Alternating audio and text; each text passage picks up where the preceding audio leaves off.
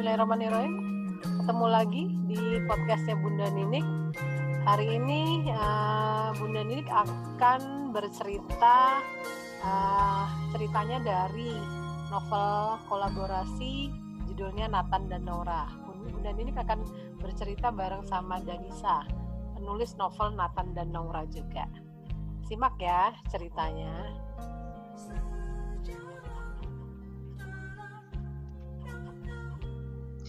Hei, pulang dong, jangan nongkrong mulu. Bunyi chat yang masuk ke HP pintarku. Ih, bawel banget deh lo repot ngurusin gue. Walau tetap merasa tersanjung dengan sapaannya, meski hanya lewat chat di salah satu akun medsosku. Nathan, cowok yang ngechat aku dan nyuruh pulang adalah salah satu cowok idola di sekolahku. Famous banget, keren, cakep, pintar. Ngeliat gayanya yang cool bikin cewek-cewek suka teriak histeris. Nathan yang cuek ketika ada di sekolah selalu membuatku deg-degan kalau berpapasan. Kami beda kelas, tapi aku sering cari informasi tentang Nathan dari berbagai sumber yang terpercaya. Dan aku juga dekat dengan wali kelasnya yang cukup paham kalau aku ada perhatian dengan anak didiknya. Namun beberapa waktu lalu Nathan sering mengganggu pikiranku. Mungkin berawal dari kejadian tak sengaja yang terjadi ketika kegiatan budaya membaca di sekolah. Skala kegiatan membaca biasanya dilanjutkan dengan unjuk bakat siswa yang ingin tampil dengan berbagai kemampuannya.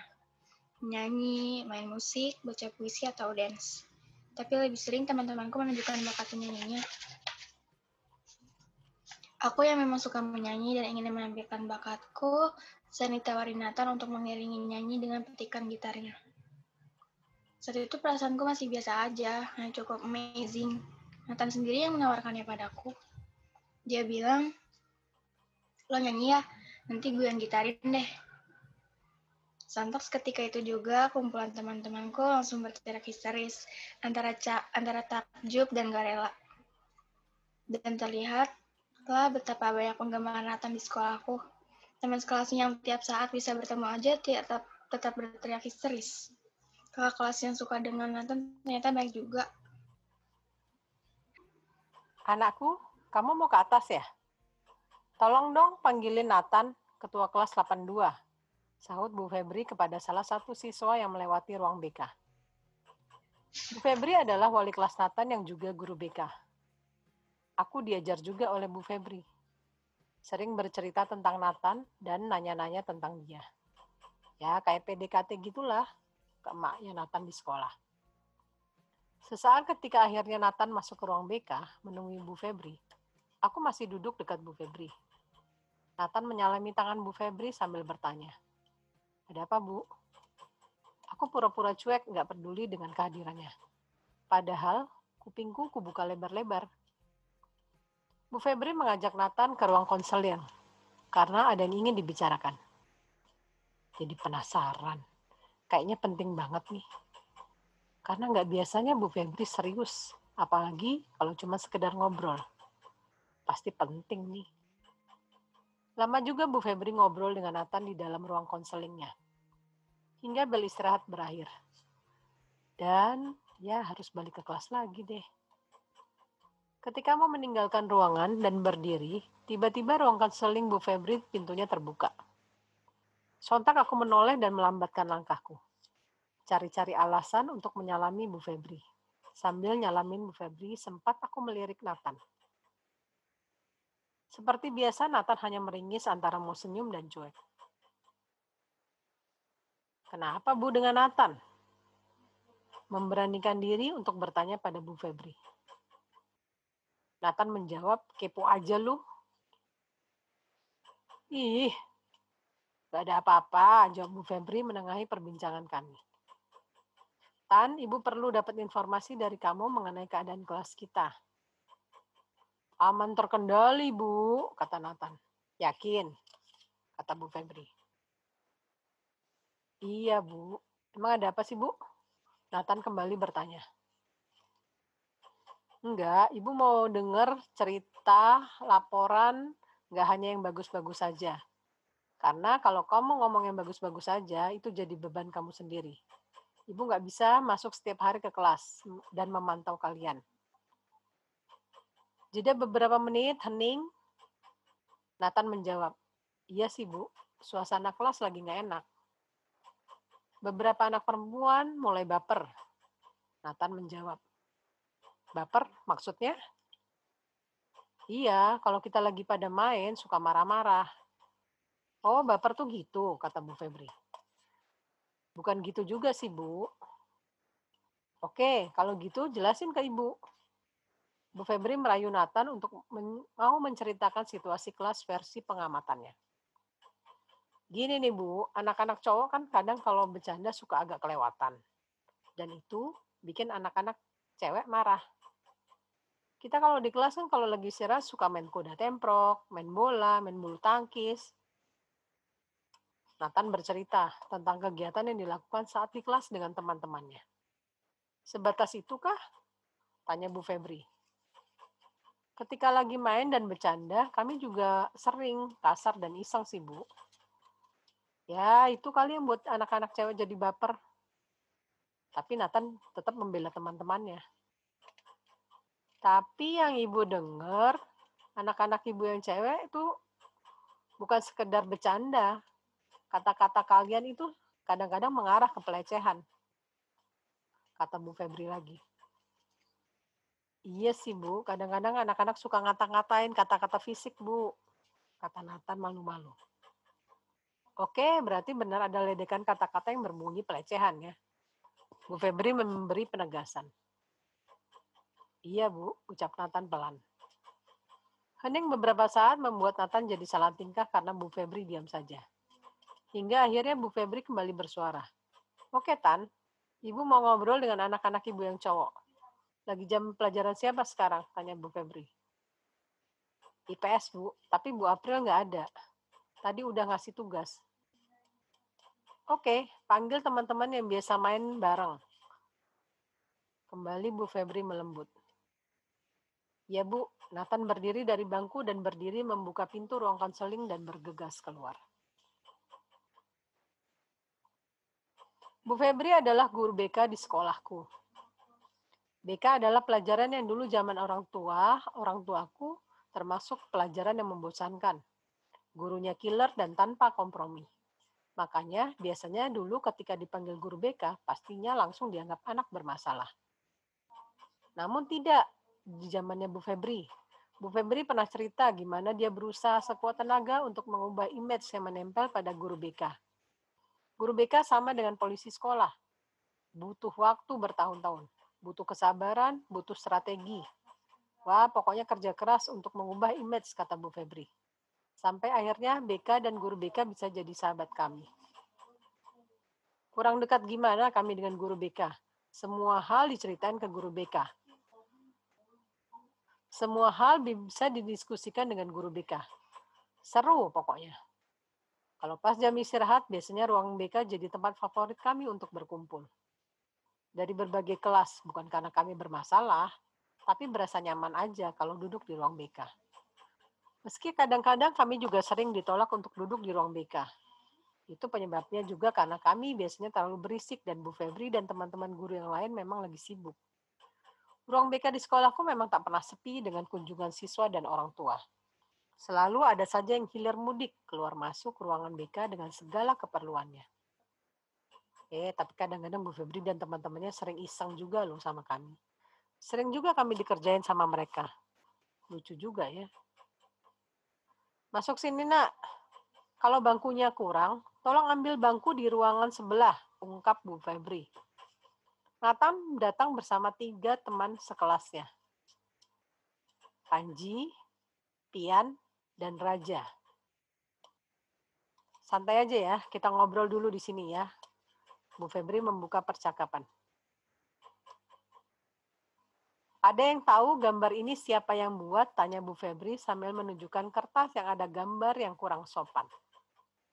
Semua diam dan kaget nggak nyangka Bu Febri membuka percakapan dengan hal itu.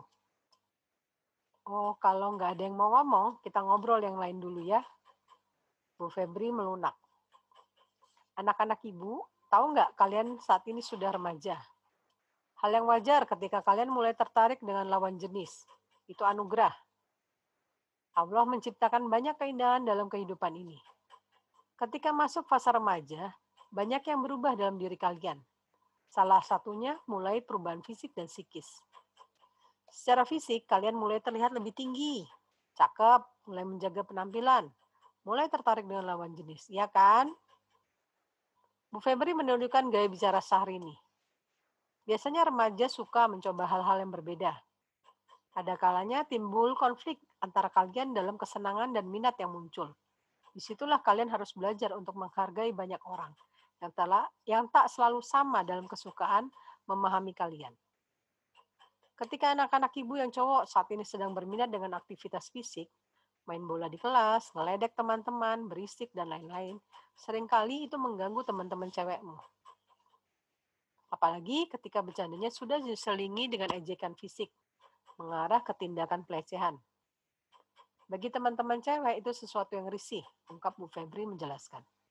Sekarang Ibu tanya, menurut kalian teman-teman di, di kelas siapa yang cantik? Pertanyaan Bu Febri to the point dan mengagetkan. Bu Febri bertanya kepada salah satu satu persatu dari kami. Nathan, biasa aja Bu, Nathan menjawab ragu. Panji, biasa juga, Bu. Panji menjawab dengan berusaha tenang. Pian, enggak, Bu, biasa aja. Pian menjawab sedikit gugup. Raja, hanya menunduk sambil menggelengkan kepala. Coba semua lihat ibu. Bu Febri bersuara tegas. Apakah tidak ada yang cantik anak ibu yang cewek di kelas?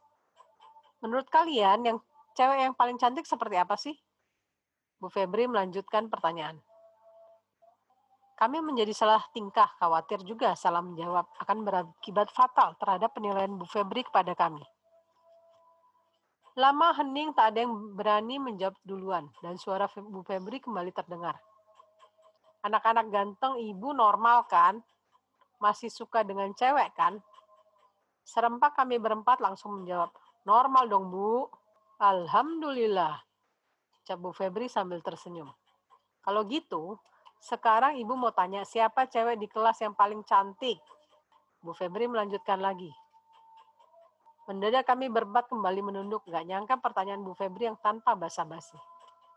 Satu persatu nama kami kembali dipanggil Bu Febri. Panji mencoba menjawab menyebut salah satu nama temannya dengan suara kecil, hampir-hampir tak terdengar. Buru-buru mengatakan, tapi saya nggak suka, Bu ucap Panji sambil menunduk. Raja menjawab dengan berkelit, saya sudah punya pacar, Bu, di kelas 84. Pian tetap dengan jawaban, biasa saja, Bu. Nama dan Nathan menjawab dengan menyebutkan salah satu nama dan mengatakan alasannya. Cantik, lucu dia, Bu. Gitu dong. Kalau anak-anak ibu yang ganteng tertarik dengan lawan jenis itu melegakan. Tapi apabila kalian tertarik dengan yang sejenis, itu yang mengkhawatirkan nambah-nambah kerjaan ibu aja, kata Bu Febri. Pembicaraan tentang situasi kelas berakhir dengan satu kesepakatan untuk saling menghormati dan menjaga satu sama lain. Bu Febri memang selalu punya cara yang berbeda untuk menyelesaikan permasalahan yang muncul. Tak pernah berniat untuk mendiskreditkan dan mencari-cari kambing hitam dari masalah yang muncul. Tapi mencari solusi yang bisa menyenangkan semua pihak. Satu kesepakatan yang dibuat bersama dengan Bu Febri adalah setiap bulan kami mengadakan pertemuan dengan teman-teman sekelas buat acara yang ada gamesnya. Seru, kata karena Bu Febri memberi kesempatan untuk salah satu dari kami merancang acara games tersebut. Padahal salah satu dari kami adalah yang kemarin sempat membuat sedikit trouble di kelas. Dan Bu Febri menyediakan makan siang loh di acara tersebut. Ini yang membuat iri kelas-kelas lain.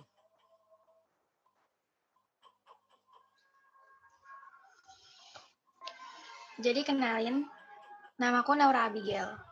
Aku tipe orang yang mudah bersosialisasi dengan orang-orang. Di sekolah, aku memiliki banyak teman dekat dan lumayan dekat juga dengan para guru. Malahan, terkadang aku suka curhat dengan satu guru di sekolah. Entah tentang teman, pelajaran, atau tentang lawan jenis yang sangat populer di sekolah. Ya misalnya Nathan Alvero. Nathan itu tipikal laki-laki yang dipengen sama perempuan seusianya. Dia itu keren, ganteng, pintar, famous di sekolah. Dia juga jago main gitar. Pokoknya hampir mendekati kata perfect deh. Tapi ada sifatnya yang nyebelin. Iya, dia cuek. Kalau diajak ngomong itu jawabnya datar banget kayak papan triplek. Aku juga deket kok sama wali kelasnya, namanya Bu Febri. Padahal aku suka cari informasi tentang Nathan lewat Bu Febri. Ya, hitung-hitung kayak pendekatan gitu sama wali kelasnya. Entah kenapa, cerita tentang Nathan selalu bikin aku mesem-mesem sendiri. Awalnya aku pikir mungkin ini cuma rasa kagumku sama si Tuan aja. Tapi aku pikir-pikir juga terakhir ini Nathan selalu muter-muter di kepalaku. Oh iya, di sekolah juga ada suatu kegiatan rutin yang tiap minggunya kita laksanakan. Nama kegiatannya budaya membaca, yang tahapan acaranya itu kita diperintah untuk membaca salah satu buku bacaan yang nantinya akan dipresentasikan ke depan. Hanya beberapa anak yang terpilih aja yang maju. Masa pas itu, biasanya kakak-kakak OSIS bakal memilih anak-anak untuk menunjukin bakatnya.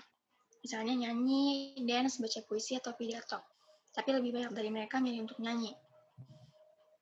Nah, di kegiatan itu bakal jadi kesempatan aku buat pandangin Nathan sepuas hatiku. Kadang dia maju buat ngiringin suara dengan gitarnya untuk teman lain yang bernyanyi. Dan itu benar-benar cool banget. Karena aku suka menghayal sendiri kapan bisa duet sama dia.